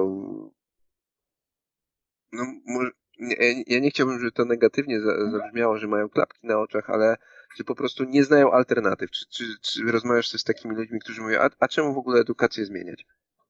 Mhm. E, wiesz co, mm, rzadko spotykam się z ludźmi, którzy nie chcą edukacji zmieniać. E, wydaje mi się, że realnie większość ludzi, zwłaszcza tych, które, którzy mają dzieci, to jakby tą edukację chce zmienić jednak. E, przy mnie zawsze w tą samą stronę, tak? Jakby dosyć często pojawia się kwestia mm, takiego, takie sformułowanie poziom nauczania i to jest jakby mhm. ważna potrzeba ludzi, Y, że oni chcą wiedzieć, że edukacja ich dzieci będzie na pewnym poziomie, także one będą przygotowane do życia, że wychodząc z tej szkoły, nie wiem, nie zasilą grona bezrobotnych, tak, albo osób, które, nie wiem, nie są w stanie sobie poradzić i nawet, nie wiem, napisać y, wniosku jakiś zasiłek czy coś takiego, y, tylko, że po prostu będą miały kompetencje, które będą im pozwalały funkcjonować w społeczeństwie. I myślę, że to jest w ogóle bardzo, bardzo ważna i też często pomijana w naszym środowisku edukacji alternatywnej kwestia, e, że ludzie jednak mają potrzebę, żeby wiedzieć e, mm, właśnie, że ten e, poziom nauczania, cokolwiek on oznacza, czy on oznacza po prostu pewną znajomość pewnej wiedzy, pewnej, um, jakby posiadanie pewnych umiejętności, tak, pewnych kompetencji, czy też być może, być może coś innego, tak, bo być może są to na przykład kompetencje interpersonalne, czy też właśnie takie bardziej społeczne, czy Mm, dosyć często jakby w zmianach o edukacji bardzo często każdy, każdy wrzuca swój taki a jeszcze więcej edukacji ekologicznej, a jeszcze więcej edukacji o przedsiębiorczości, a powinno się umieć rozliczyć PIT, a i kredycik powinno się zrozumieć, jak jest rozpisany i jakie będą stopy procentowe i tak dalej, i tak dalej. A jeszcze napisać CV. I tam każdy swoje takie, wiecie, dokłada takie jeszcze to by się przydało w szkole, jeszcze to, jeszcze to, jeszcze tamto. E, I takich pomysłów jest naprawdę masa. Tylko, że dzieci musiałyby wtedy siedzieć po 50 godzin w szkole, naprawdę. Po prostu e, tutaj wiesz, na słuchawkach jedno, nauczyciel drugie, może coś wejdzie. E, I to jest po prostu niemożliwe, żeby uczyć, jakby w dzisiejszym świecie jest tyle wiedzy i tyle ważnych rzeczy, że jest niemożliwe, żebyśmy posiedli całą wiedzę, która jest E, jest potrzebna. No i są właśnie pewne kompetencje, które rodzice uważają za kluczowe. No i wydaje mi się, że taka właśnie zróżnicowana oferta szkół e, pozwoli, e, pozwoli mm, wybrać, co, co dla danej rodziny jest kluczowe. Tak, jedni postawią bardziej właśnie na takie kompetencje miękkie, inni postawią na to, że dobra, kompetencje miękkie są ważne, ale na przykład ważna jest też ta, nie wiem, przedsiębiorczość, więc pójście dziecko do szkoły, w której są jakieś tam projekty, tak, w których ono będzie jakby wzrastało i społecznie, i, i jednak pod kątem yy, właśnie tej dziedziny, którą gdzieś tam uważam za kluczową. E, no i wtedy tak naprawdę nie potrzebujemy takiego zunifikowanego, zunifikowanego absolwenta, potrzebujemy tak naprawdę bardzo wielu różnych absolwentów, tak? bo zarówno, nie wiem, potrzebujemy trochę inny jest profil absolwenta, który ma pójść nie wiem, na medycynę, a trochę inny dla dobrego hydraulika, trochę inny dla, nie wiem, jakiegoś inżyniera, architekta, tak jakby, czy już nie mówię o jakichś zawodach związanych z kulturą, sztuką. Są pewne kluczowe, takie podstawowe umiejętności, a to są wszystko umiejętności tak realnie, które są w szkole podstawowej i w tych takich tak naprawdę najniższych klasach, tak, żeby czytać ze zrozumieniem, żeby mieć zrozumienie kultury, w której żyjemy, e, żeby mieć e, jakieś podstawowe kompetencje matematyczne. E. Ja, ja, sobie zanotowałem z tego, co tutaj mówiłeś, kilka rzeczy i je, je, jedną z tego jest takie, takie dwa słowa, wiedza i kompetencje. I ta, tak jak powiedziałeś, że tej wiedzy jest coraz więcej i ta, ta wiedza jest też na wyciągnięcie ręki, tak? Bo jeżeli spojrzymy na to, że większość z nas ma telefony komórkowe, dużo dzieci, nawet też młodych, ma często dostęp do tych telefonów komórkowych, no to mogą sobie te twarde fakty, typu, nie wiem, daty na historii łatwo, łatwo, łatwo sprawdzić. Rzeczywiście może być też kwestia takiej wiedzy typu ktoś kiedyś zadziałał w pewien sposób i to widzę, że to jest jakiś tam wzorzec, który się powtarza, to rzeczywiście może, może nieść jakąś tutaj wartość, ale tak jak mówisz, te kompetencje, to wydaje mi się, że no, podstawowa kompetencja, kompetencja uczenia się, tak, że, że człowiek, który opuści budynki szkoły, potem będzie w stanie sam się uczyć, nawet jeżeli nie będzie miał pod ręką tego podręcznika i zeszytu ćwiczeń, że on wygrzebie gdzieś te rzeczy, które są potrzebne, nie wiem, znajdzie kogoś, od kogo może się nauczyć. E, to są takie podstawy. Jak ty to widzisz? E, bo wspominaliśmy też e, jeszcze podstawę programową. No bo ty też mówiłeś, że, że, że można tego dodawać więcej, więcej, więcej. A w jaki sposób powinniśmy potraktować tą podstawę programową? Czy, czy to, czy, nie wiem, bo My się poznaliśmy, mówiłaś, na, na szkole minimalnej. Tam jest mowa o tym, żeby rzeczywiście okroić to do niezbędnego minimum. Czy, czy uważasz, że to rzeczywiście tak jest w dzisiejszych czasach, że bardzo dużo tej wiedzy, która jest przekazywana w szkołach, można by po prostu pominąć? Wiesz co, ja kiedy mówię o kompetencjach, myślę sobie, że kompetencja jest zbudowana jakby z trzech części. Mhm. Jest w niej potrzebna pewien, pewna wiedza, E, dopiero na podstawie tej wiedzy możemy budować pewne umiejętności, ale żeby to była prawdziwa kompetencja, są potrzebne też e, po prostu ukształtowane i takie e, zinternalizowane postawy. Jakby częścią tej kompetencji jest też pewna postawa, którą ja jako człowiek po prostu prezentuję. I jak na przykład mówisz o tej kompetencji do uczenia się, to tutaj nie, nie jest najważniejsze to, żeby ktoś znał, nie wiem, 50 sposobów na nauczenie się nowych słówek albo zapamiętanie daty.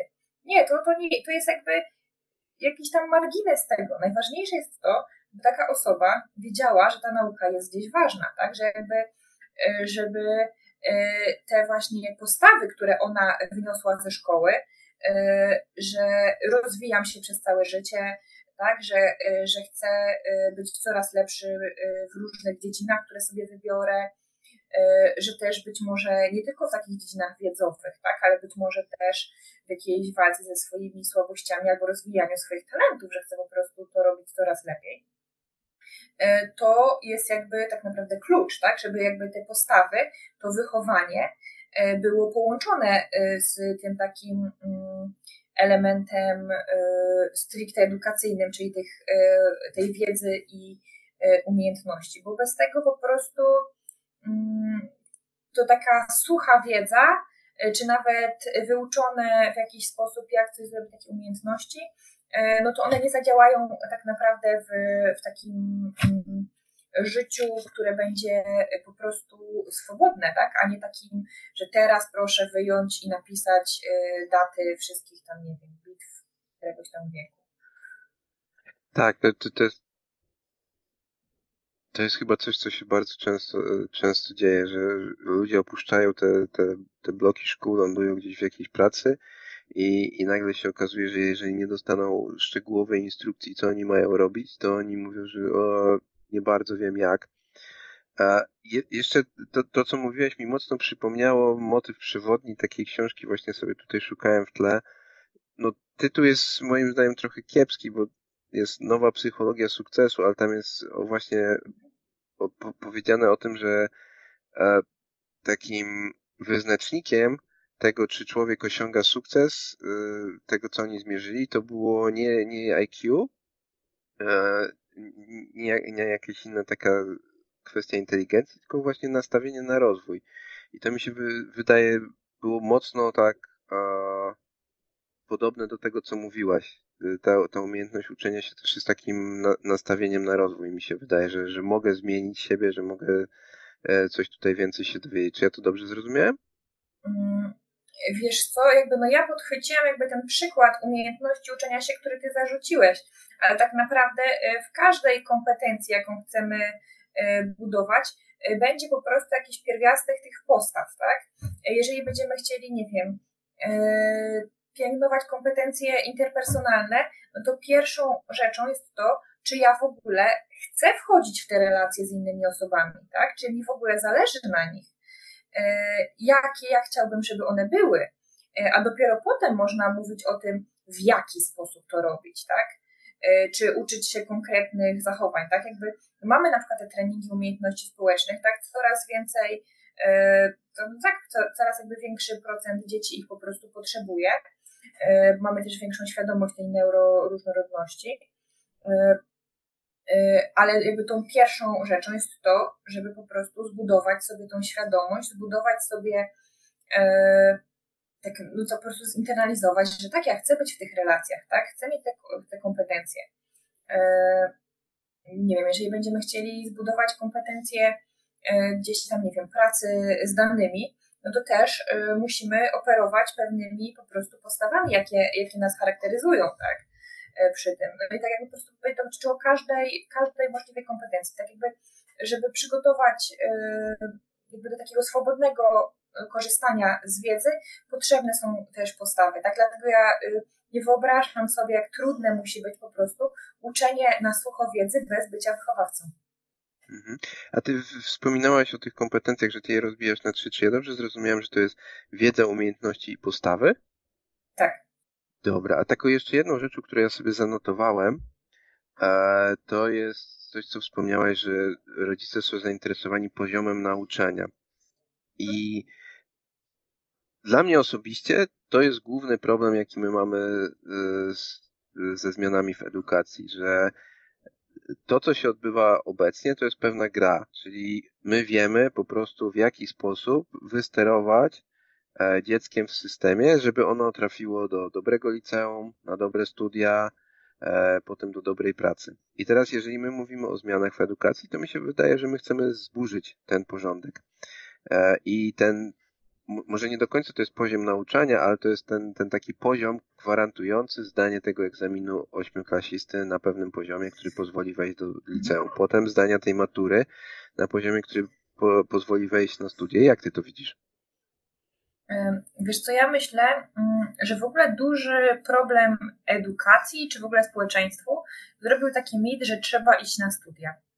E, I że 40% e, ludzi e, idzie na studia po ukończeniu szkoły ponadgimnazjalnej, czy teraz, czy teraz ponadpodstawowej, średniej.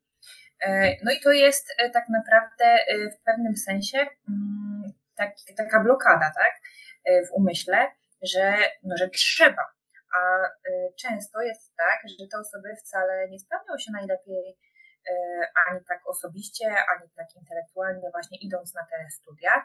Często one po prostu mogłyby wybrać jakąś inną drogę zawodową, zostać specjalistą w danej dziedzinie. Jest nam potrzebne bardzo, bardzo wiele tak naprawdę specjalistów, czy mechaników, hydraulików, różnych techników czy też e, osób, nie wiem, zainteresowanych sztuką, mm, muzyków, e, czy, czy inne tego typu zawody. I też mamy taki bardzo z drugiej strony niebezpieczny mit, że każdy z nas może znaleźć pracę, która będzie mu dawała taka go bardzo spełniała, nie? I że on będzie dzięki tej pracy taki spełniony i tak dalej. E, a e, no jakby to jest coś, co skazuje na bardzo dużą część e, osób, niezależnie od wykształcenia, tak? Niezależnie, tak niezależnie od czegokolwiek, na porażkę, bo część z nas podejmie po prostu za prace, które na przykład zapewniają im możliwość uzyskania dużej, dużej sumy pieniędzy, bo na przykład priorytetem nie jest to, żeby się spełniać w pracy, ale na przykład, żeby mieć dużą rodzinę, tak? A duża rodzina to też jakby potrzeba na przykład większej ilości środków niż przy, e, przy mniejszej rodzinie. E, nie wiem, czy też e, na przykład ludzie mogą też inaczej priorytetyzować tą pracę, że niekoniecznie się będą spełniali w pracy, a będą się na przykład mieli na przykład więcej czasu wolnego, żeby realizować się, nie chociażby właśnie w tej sztuce, tak? E, czy, e, czy innych e, swoich obszarach aktywności na przykład społecznej. I, mm, no i ten mit takiej właśnie dobrej pracy, dzięki której osiągnę sukces, będę spełniony, to wydaje mi się, że jest druga po właśnie pójściu na studia taka, taka bariera, że wszyscy dążymy do tego, do tego spełnienia, a tak naprawdę nie zastanawiamy się nad tym tak całościowo, co jest dla każdego mm, tego młodego człowieka na skraju dorosłości e, ważne, e, co, w co on jakby chciałby inwestować e, i czy, i czy rzeczywiście ta praca jest jego priorytetem, tak, w, w życiu, właśnie to, żeby ona była taka spełniająca. No bo wiadomo, praca jakby jest czymś e, ważnym w życiu każdego dorosłego człowieka, no ale niekoniecznie e, jakby, no część z nas będzie po prostu e, wykonywała takie zawody, które są gdzieś tam powtarzalne, czasami żmudne, trudne, wyczerpujące fizycznie, mm, no ale będą jakby one nam dostarczały jakieś inne ważne rzeczy, nie tylko takie spełnienie zawodowe. No, mi, mi, mi to mocno gra z tym, co jakieś usłyszałem, że my się tak e, skupiliśmy na sukcesie, że zapomnieliśmy w tym wszystkim o szczęściu. I że czę, często widzimy sukces jako e, substytut czy synonim szczęścia. A to rzeczywiście może być tak, jak mówisz, że ktoś może się spełniać, nie wiem, w rodzinie, e, może się spełniać w jakimś hobby, a praca zapewnia mu po prostu finansowanie czy tej rodziny, czy tego hobby. No dobra, ale to, to jak przekonać tych rodziców, którzy, no bo to, to moim zdaniem często nie jest, nie jest dziecko. Dziecko ma to zaindukowane przez, przez rodziców, czy tam przez jakichś innych dorosłych z otoczenia. To jak przekonać to społeczeństwo, żebyśmy nawigowali w kierunku szczęścia, a nie w kierunku tego sukcesu? Ja e, powiem tak, ja nie jestem rewolucjonistką, jestem ewolucjonistką. E, wierzę w to, że prawda obroni się po prostu sama i że jeżeli damy dogodne warunki do rozwoju e, różnych innowacji edukacyjnych, czy też po prostu tych stuletnich już innowacji, o których rozmawialiśmy, to one będą po prostu z każdym rokiem bardziej popularne. Mm, tak samo jak, nie wybuchła szkoła w chmurze, tak?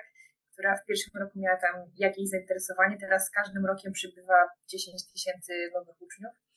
E, no i po prostu to pączkuje i pączkuje i do tego nie trzeba ludzi po prostu przekonywać jakoś nie, niezmiernie.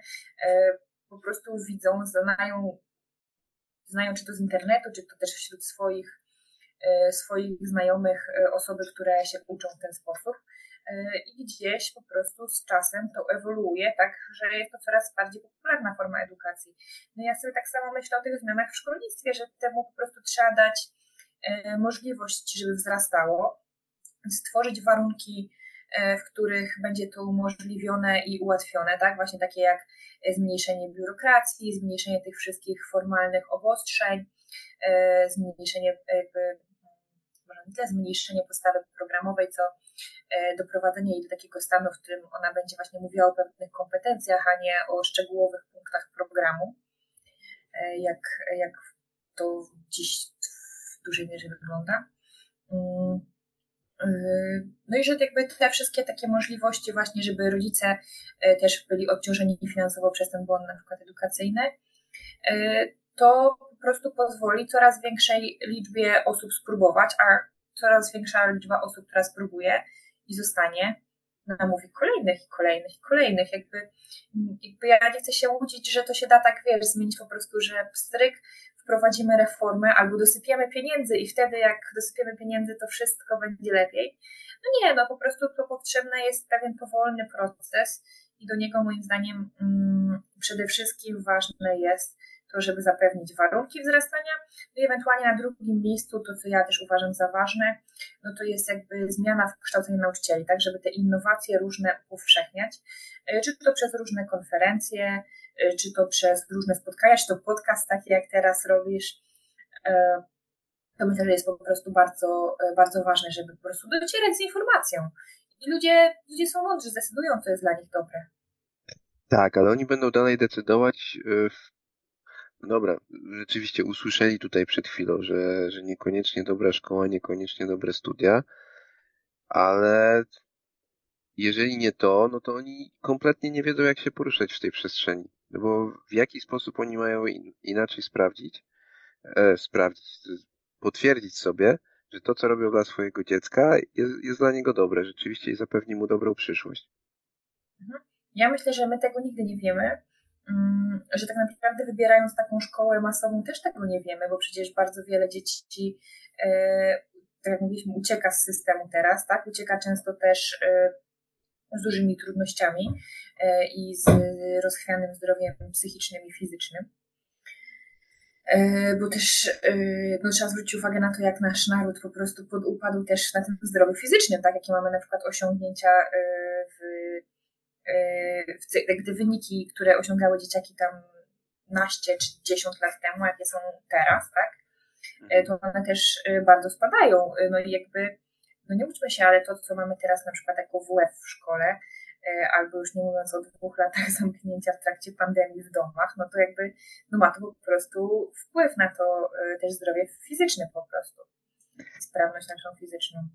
To, to wydaje mi się, że to jest, to, to jest ważny głos w dyskusji tutaj, bo to jest też e, w kontekście tej szkoły w chmurze, którą wspomniałaś. Oni się szczycą tym, że oni przyciągają dzieciaki, których potencjalnie mogłoby z nami już nie być, gdyby nie, nie, nie chmura, gdyby nie taka alternatywa, gdzie one właśnie mogą odpocząć psychicznie i no, temat samobójstw, gdzie my jesteśmy na, na czele statystyk w Europie, to jest, to jest smutne myśleć w ten sposób, ale wydaje mi się, że to jest opcja, że to jest e, front, z którego może rzeczywiście nadejść zmiana.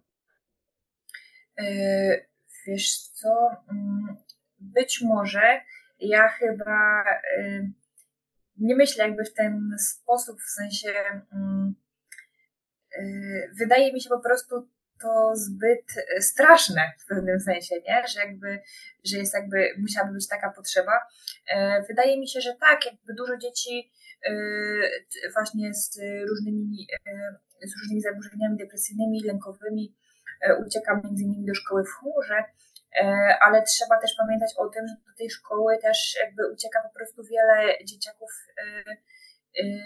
po prostu neuronietypowych, których szkoła po prostu no nie spełnia po prostu dla nich swoich funkcji, tak? Oni na przykład tam przychodzą, odsiadują ileś czasu w dużym stresie, takim też fizycznym, tak? No, chociażby hałasu, ilości bodźców, ludzi, gdzie no jakby teraz mamy coraz większe parcie, tak? Na tą edukację włączającą E, I ta edukacja włączająca to jest piękna idea właśnie, nie wiem, w małych szkółkach, gdzie, gdzie to jakby będzie, e, gdzie będą po prostu warunki dla takich osób, no ale nie łudźmy się w szkole, gdzie jest, nie wiem, 400 czy 1000 osób, no to nie ma warunków, żeby ta edukacja włączająca zadziałała. No i też dużo tego typu dzieci e, po prostu z tego systemu po prostu, jak to powiedział Czarnek, wycieka, tak? No jakby mm, oni odnajdują w tej szkole w chmurze coś takiego, że e, mogą zdobyć te wymagane, e, wymagane od nich umiejętności, czy wymaganą od nich wiedzę, e, jakby no właśnie nie nadwątlając swojego zdrowia, móc, mogąc też mm, zrobić to w przyjaznej dla siebie formie, tak, bo to jakby często właśnie chociażby ta praca w grupie kilkudziesięcioosobowej w klasie, czy też no, poziom hałasu, czy tego typu rzeczy są, y, są po prostu uniemożliwiające taką efektywną naukę. I wydaje mi się, że też dużo osób odkrywa po prostu, że efektywność ich pracy może znacząco wzrosnąć właśnie kiedy, kiedy wyjdą z tego systemu, kiedy będą się uczyć poza, poza szkołą. No i dotyczy to właśnie głównie takich dzieciaków starszych tak naprawdę, tak? No jakby w tym wieku wczesnoszkolnym jakby potrzebne jest duże wsparcie E, rodziców, e, to oczywiście nie znaczy, że to musi być odtwarzanie szkoły w domu, to może być po prostu życie i wspólne gotowanie ciasta z odmierzaniem, e, ale jakby ten rodzic jest po prostu potrzebny też jak w formie opieki, tak, czy, czy właśnie takiej animacji tego czasu nakierowania na pewne tematy, a, ale te starsze dzieciaki, no to przede wszystkim one już gdzieś wiedzą na czym, jakby jakie są kompetencje od nich wymagane i i chcą efektywnie wykorzystać swój czas, tak? Chcą też właśnie móc mieć czas na hobby, móc mieć czas na sport, na zdrowe odżywianie. Y, no teraz często po prostu zjedzenie y, posiłku w szkole, no to graniczy z cudem, żeby zjeść posiłek na 15-minutowej przerwie, y, jeszcze podgrzane i tak dalej, i tak dalej. No jakby to po prostu wszystko ma. ma to wręcz jest niezdrowe, nie oszukujmy się. No. no tak, tak. A, a I tu mi się wydaje, że, że, że możemy zboczyć trochę w kierunku technologii i, i temu, jak technologia mogłaby tutaj w tym wszystkim pomóc, bo nie oszukujmy się, szkołę, tak jak rozmawialiśmy, on, ona tutaj w różnych formach istnieje od wielu lat, ale technologia znacząco poszła do przodu. Ja dawno, dawno temu miałem e, rozmowę z moim kolegą, gdzie on mi powiedział, że tak naprawdę największą innowacją, jak, jak, jaka się zadziała za jego życia, e, to jest YouTube bo po prostu możesz się nauczyć wszystkiego od kogokolwiek i no, to, to nie musi być koniecznie YouTube, YouTube, ale mo możliwość y, dzielenia się filmikami e, w taki sposób, e, to, to się dzieje, tak? To, to, to, się dzieje w rozrywce, gdzie mamy indywidualizację, gdzie, gdzie mamy Netflixa czy inne platformy, gdzie możemy sobie wybierać, co chcemy. To samo może dzieć się w edukacji. Rozmawialiśmy tutaj o szkole w chmurze. Oni mają jakąś tam platformę. Co prawda, z tego, co się orientuję, to to w większości jest y, platforma sprawdzająca wiedzę, a nie pozwalająca tą wiedzę e, nabyć. Ale mimo wszystko, e, w jaki sposób włączamy już tutaj tą technologię, te możliwości, jakie są, E, żeby pomóc, to na pewno też może pomóc w tej indywidualizacji, bo jeżeli mamy klasę 30 uczniów w masowej szkole, to też możemy sobie powiedzieć, że pewne materiały rozszerzone dla tych zainteresowanych będą dostępne w formie jakichś filmików, które mogą sobie obejrzeć. To nie musi być YouTube, to nie musi być publiczne, to może być z prawem autorskim nauczyciela na jakiejś wewnętrznej platformie. E, jak, jak, jak ty postrzegasz tutaj technologię w, w edukacji? Może pomóc, czy, czy nie bardzo? Y, ja myślę, że we wszystkim potrzebny jest taki zdrowy umiar. Y, I z jednej strony, jakby jak najbardziej uważam, że można szukać wiedzy na platformie, czy, na, czy jakby w ogóle w zasobach sieci. Ważna jest tutaj jakby rola dorosłego, żeby nauczyć korzystać z właśnie z zasobów Mm, bo kiedy mamy tą zamkniętą platformę, to rzeczywiście jest łatwo, to jest tylko jakby kwestia taka techniczna, tak? Mm, ale wydaje mi się, że tak naprawdę tą kompetencją przyszłości nie jest to, żeby być w jednej zamkniętej platformie edukacyjnej. Oczywiście jakby fajnie, gdyby na przykład ta podstawa programowa gdzieś tam, mamy nawet taką ministerialną platformę. Tak, tam zintegrowana platforma coś. Tak. Więc jakby miło, że jakby coś takiego jest, gdzie można odnaleźć jakby wszystkie takie podstawowe informacje szkolne, taki duży podręcznik internetowy ale tak naprawdę jakby ważne jest to, żeby umieć wyszukiwać te informacje, tak, że to jest pewna kompetencja, e, żeby wiedzieć, gdzie szukać, żeby odsiać fake newsy, e, żeby e, umieć zweryfikować źródła, potwierdzać. Mm, teraz wchodzi nam sztuczna inteligencja, więc też będzie coraz więcej generowanych gdzieś tam po prostu cyfrowo treści, czy, czy też obrazów, tak? I też dobrze byłoby, żeby mm, żeby gdzieś wyczulić na to dzieciaki. No i na wszystkie inne zagrożenia, które jednak łączą się z przebywaniem w sieci. E, mówię tutaj już o takich, e, no, takich tradycyjnych bardziej zagrożeniach, tak jakby związanych z kontaktem z innymi osobami, z kradzieżą e, danych osobowych i tego typu rzeczami. Czy też z hejtem na przykład w sieci. Tak, to są jakby wszystko ważne tematy. Jakby przy tym ważne jest, żeby towarzyszył dziecku dorosły, E, trochę nie wyobrażam sobie e, tego, jakby to mogło wyglądać w 30-osobowej czy 20 nawet osobowej klasie z jednym nauczycielem. W sensie dla mnie jest to niemożliwe, żeby opanować e, realnie to, co się dzieje na 20 ekranach, 20 dzieci. Nie, to, to, to, to, bezpieczne. To się nie zrozumieliśmy, ja to troszeczkę inaczej widzę. Ja to widzę na takiej zasadzie, że przerabiamy niezbędne minimum w klasie, E, zainteresowani mogą sięgnąć po materiały, które są dostępne na jakiejś platformie. To, mo to może być wręcz platforma typu Wikipedia, która po prostu gromadzi linki do różnych miejsc typu YouTube. I ci, którzy są zainteresowani, mogą tam pójść. No i oni potrzebowaliby jakąś formę, e, nie, może nie tyle weryfikacji, co konsultacji, tak?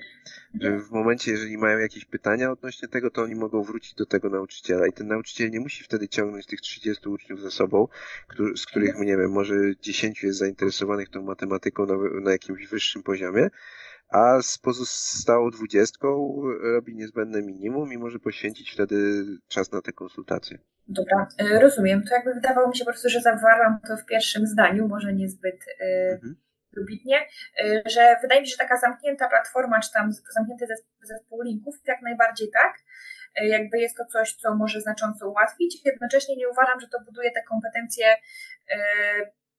przyszłej nauki przez, przez internet, tak, które jakby będą potrzebne młodym ludziom, no bo zakładam, że zarówno ja, jak i ty wiele różnej wiedzy, wiele różnych rzeczy nauczyliśmy się przez internet i że że jakby tego będzie raczej coraz więcej niż coraz mniej, tak? I że jakby te kompetencje też trzeba budować, a przy tym, żeby budować takie tak jakby kompetencje cyfrowe, potrzebne jest wsparcie e, dorosłych, e, jakby takie towarzyszenie dziecku w tym po prostu.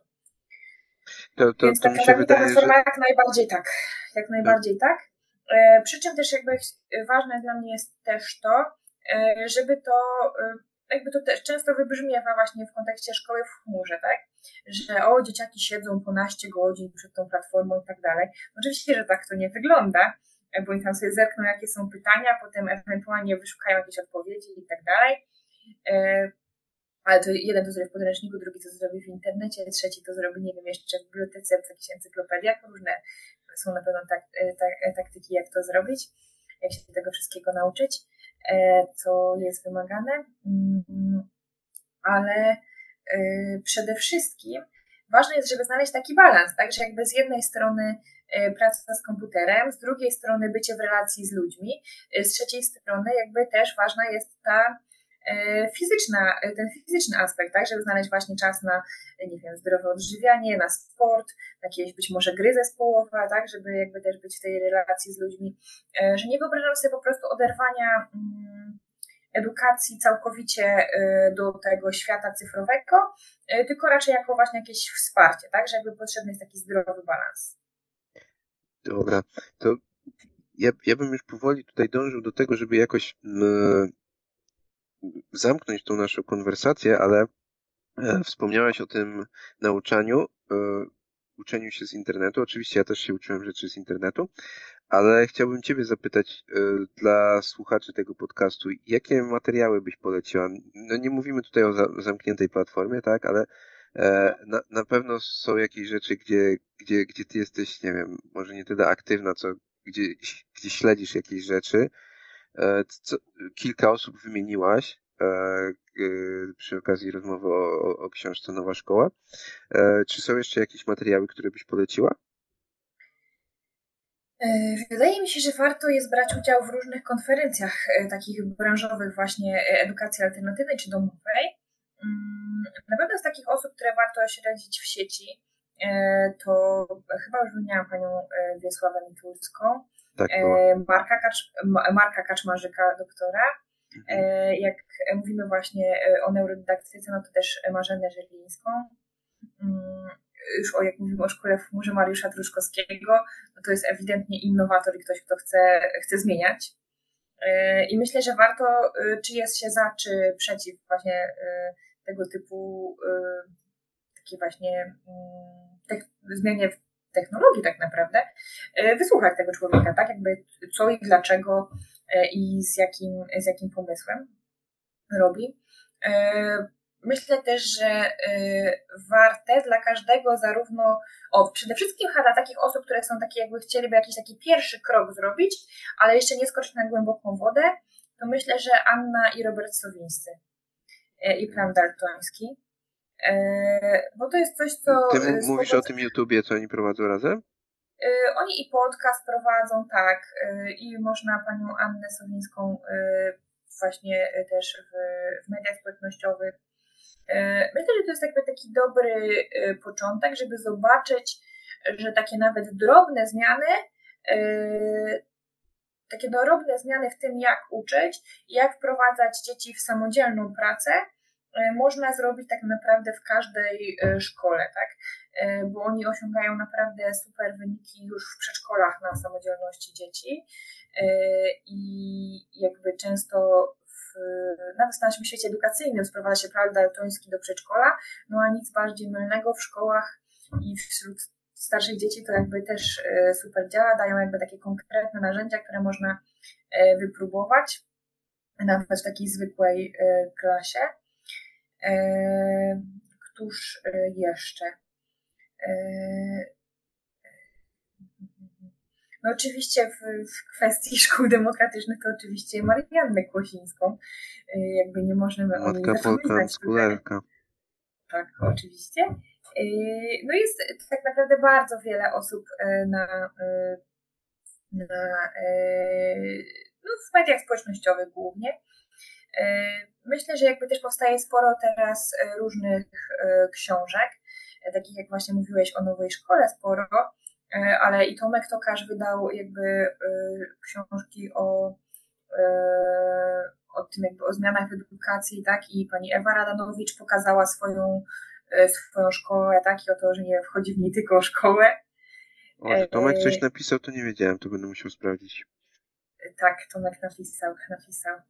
E, więc też jakby tego jest e, coraz e, więcej. Myślę, że też jakby, żeby zastanowić się, już wspominałam to nazwisko, ale chyba tak dla podkreślenia, dr Marek Kaczmarzyk. Tak jakby ta kwestia w ogóle jakby tego, jak pracuje nasz mózg, jak, jak się rozwija też mózg młodego człowieka, to jest w ogóle taka podstawowa rzecz, którą jakby potrzebujemy zrozumieć, żeby zrozumieć, że zmiany w systemie są potrzebne. Mhm. Okej, okay. a jeżeli rozmawiamy o tym, że idziesz do Sejmu, to prawdopodobnie masz jakieś ulotki. Co, co masz na tych ulotkach? Jakie tam masz hasła? Mhm.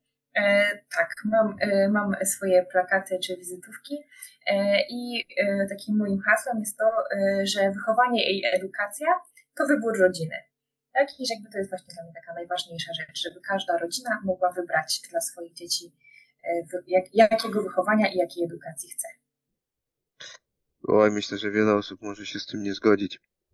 A, bo mocno, mocno by chcieli wchodzić do domu innym ludziom, ale może już nie ciągnijmy tego tematu. A, gdzie ludzie mogą Ciebie znaleźć, jeżeli chcieliby coś więcej o, o Tobie się dowiedzieć, nie wiem, śledzić Twoje poczynania? Y, mnie można jako Agnieszka Sowińska albo Agnieszka Sowińska RN znaleźć w różnych mediach społecznościowych, na Facebooku, na Twitterze, teraz zwanym X oraz na TikToku. Okay. No i oczywiście zapraszam też na stronę Wolnej Szkoły Bełowo i do odwiedzania nas i dowiadywania się, jak, no, jak w mojej szkole. I ja osobiście sprawdzałem, że, że jest kilka Agnieszek Sowińskich w internecie, więc ja potem poproszę Ciebie o, o linki, które ja zamieszczę jak, jako e, notatki do tego spotkania, żeby ludzie mogli trafić dokładnie do, do Ciebie. A, no to mo, może jakieś pożegnalne słowa. Czy chciałabyś coś jeszcze przekazać osobom, które będą, będą słuchały tej konwersacji? Czy chciałabym Wam coś jeszcze przekazać?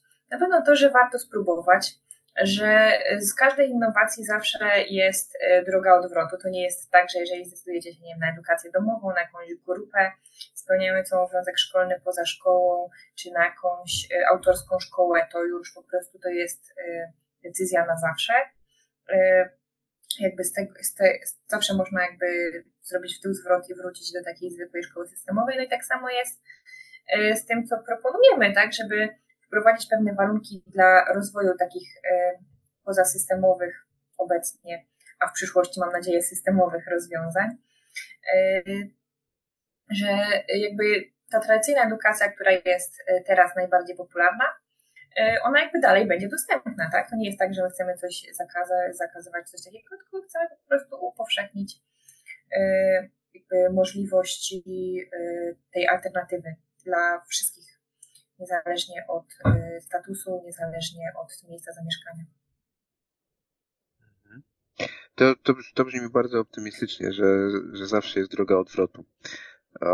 I może tak optymistycznie zakończmy dzisiaj. Dziękuję Ci bardzo za rozmowę. Ja również dziękuję bardzo za rozmowę. Jeśli dosłuchaliście do tego miejsca, to jest duża szansa, że coś Wam się spodobało. Jeśli rzeczywiście tak jest, to byłbym wdzięczny, jeśli zechcielibyście podzielić się wrażeniami ze swoimi znajomymi w social mediach. Dzięki i mam nadzieję do usłyszenia.